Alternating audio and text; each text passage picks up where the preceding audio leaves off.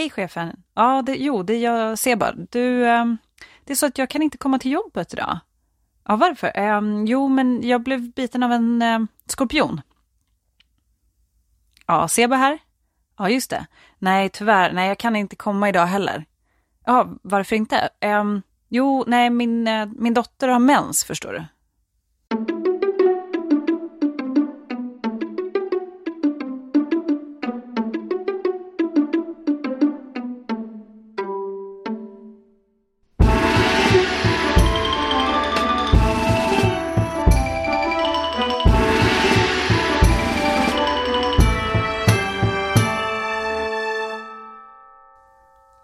Hej och välkomna till Podius Castus, en podd om antiken.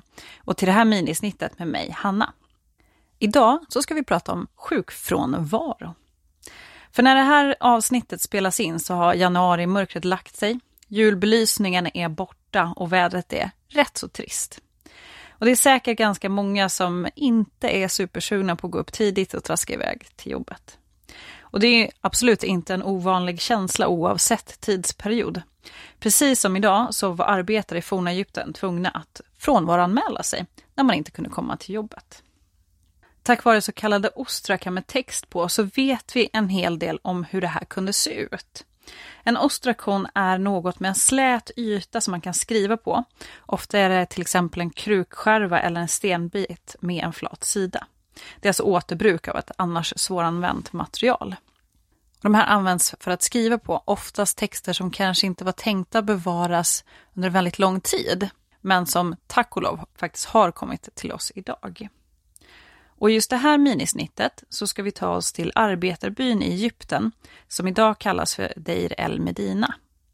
Under Nya riket, när byn då var bebodd, kallas den Set Mat Herimeneti Vaset ungefär Mats plats, alltså sanningens plats, väster om Tebe. Byn ligger då cirka en kilometer söder om Konungarnas dal. Och I Konungarnas dal där har ju bland annat Tutankhamon, Ramses den andre och Amenhotep den tredje begravts. Och närheten till Konungarnas dal och även till Drottningarnas dal var ju såklart ingen slump eftersom att den här byn var hem till de hantverkare som byggde gravarna och templen i området. Och byn användes på det här sättet under den 18 och till och med den 20 dynastin, vilket i år blir från 1500-talet till 1000-talet före vår tideräkning, alltså en ganska lång period. Och det var inte bara hantverkare som bodde här utan även självklart deras familjer. Och själva byn som man har grävt ut, den är uppbyggd runt en huvudgata med enplanshus runt omkring. De flesta hus var byggda av lera, även om sten blev allt vanligare mot slutet av byns period. Och arkeologer som har varit här och grävt uppskattar att byn var hem åt ungefär 68 familjer när den var som störst, med ett 40-tal familjer som bodde utanför själva byn. Och ytan är uppskattad till 5600 kvadratmeter. Men vad var det då för typ av hantverkare som kunde bo i en sån här by och då färdigställa en kunglig grav? Jo, i just Deir el Medina bodde bland annat stenhuggare, spacklare, vattenbärare, målare, dekoratörer, administratörer och så vidare. Det var en ganska bred kompetens som behövdes för att färdigställa de här fina gravarna i både konungarnas dal och även i drottningarnas dal och intilliggande tempel och andra viktiga platser. Men nu ska vi hoppa fram i tiden lite, närmare bestämt till 1823 efter vår tideräkning. För då fick The British Museum i London in en samling föremål med just en sån här ostrakon från den här byn. Och den här ostrakon den är av kalksten. Den är ungefär 38 cm hög och 33 cm bred. Den har målade inskriptioner på hieratiska på både framsidan och baksidan. Och vad handlar inskriptionerna om då? Jo, som du kanske förstår handlar det just om sjukskrivningar. Eller ja, sjukfrånvaro. Och det är under då Ramses den andres år 40. Alltså Ramses den andre har varit fara i 40 år. Och inskriptionerna gäller då ett av arbetslagen. På den här ostrakon så finns det 40 namn listade. De är målade med svart färg. Och efter dem så följer en rad datum, också målade med svart färg. Men ovanför datumen så har man målat med en annan färg, röd. Och det är då orsaken till personens frånvaro som syns där. Det här är helt enkelt ett sätt för arbetsledarna att ha koll på när de här olika personerna inte var på jobbet och vad orsaken var, vilket såklart påverkade hur de skulle få betalt och ersättning för deras jobb. Av de här 40 männen så är det bara två som inte verkar haft någon frånvaro under de här arbetspassen det aktuella året. Resterande har varit frånvarande vid en eller flera tillfällen. Vi kan bland annat läsa att Seba, som nämndes i början av minisnittet, var frånvarande ganska många gånger. Först var ju när han blev biten av en skorpion. Då var han frånvarande den 17 dagen av den fjärde månaden på våren. Det är alltså så man skriver upp datumen.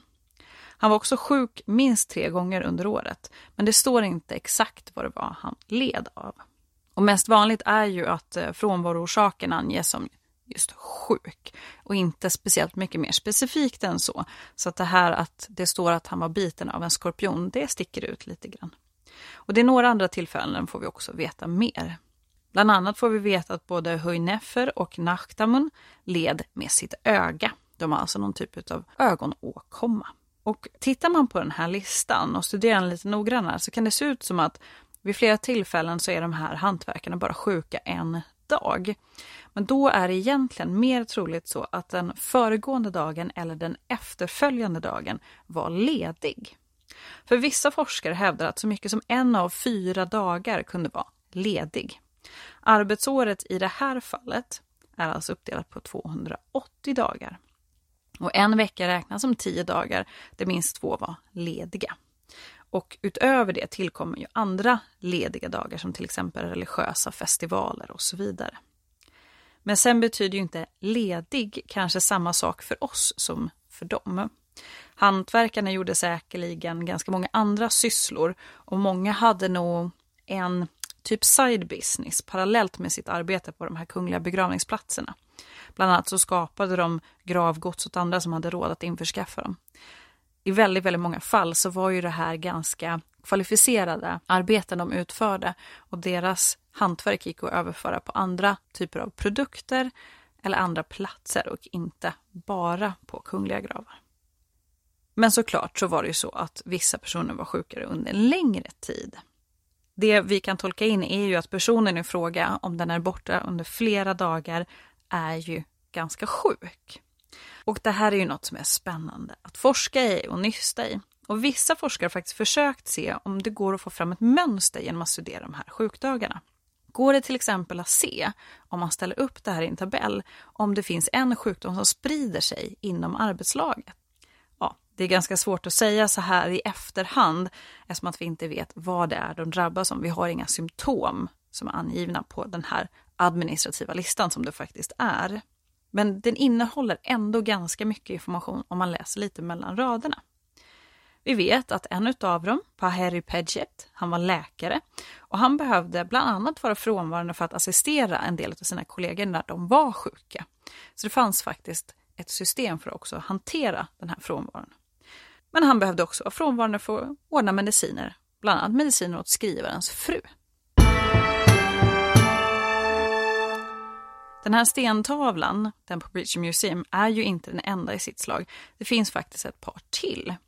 Moderna sammanställningar har visat att över en 127-årsperiod med start från då Ramses den andres år 40 så var det totalt 2043 frånvarotillfällen bland de olika arbetarna. Och en av de som har kikat på det här har gjort en procentuell sammanställning och delat upp typen av frånvaro i olika övergripande kategorier för att vi ska kunna ta del av dem. Och den absolut vanligaste med 62 procent är att vara på annan plats. Efter det följer sjuk, som jag pratade lite om. Det är 29 procent. Sen kom vi ner på de lite lägre siffrorna. 3 var frånvarande för att de firade religiösa tillställningar av olika slag. Lika många procent var frånvarande för att de tog hand om någon annan. 2% är frånvarande för att de ska bereda mat eller brygga öl. Och 1% är frånvarande för att de sörjde. Och den här breda kategorin, den här största kategorin, Ja, på den stentavla som finns utställd på British Museum och som man faktiskt också kan se om man söker på den. Den finns i deras digitala katalog där man också kan läsa den här texten. Och där kan vi just se några av de här tillfällena när personen var på annan plats. Och ibland så står det vad det lite mer specifikt kan innebära.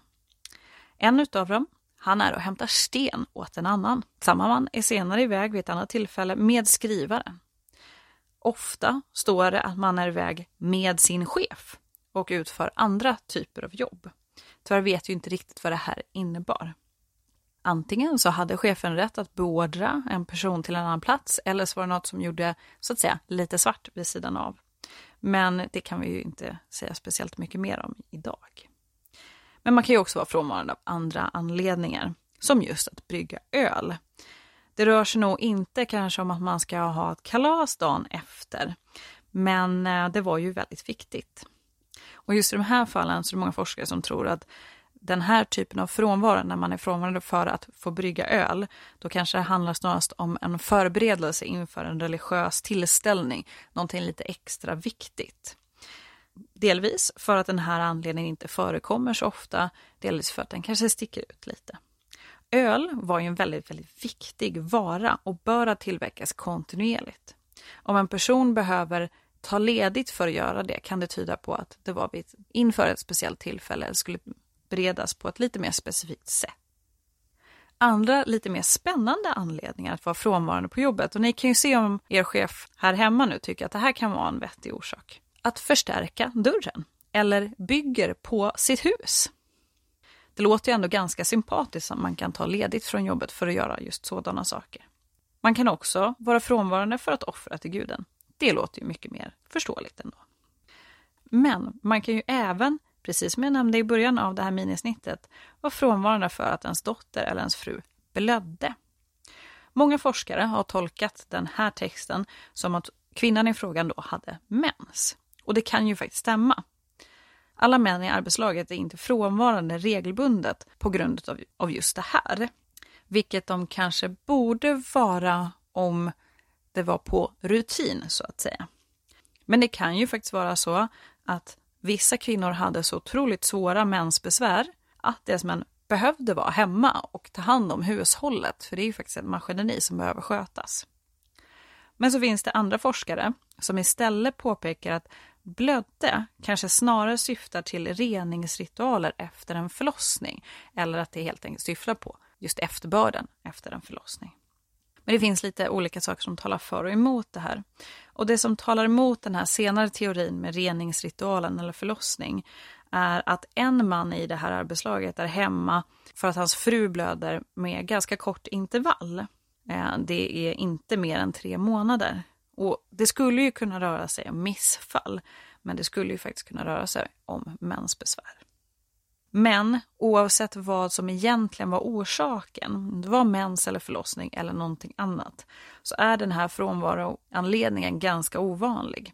Den dyker upp ett par gånger på just den här ostrakan, men om man ser på hela det bevarade underlaget från de här 127 åren så är det faktiskt mindre än 1 procent, eller 13 tillfällen av 2043, så inte alls så ofta.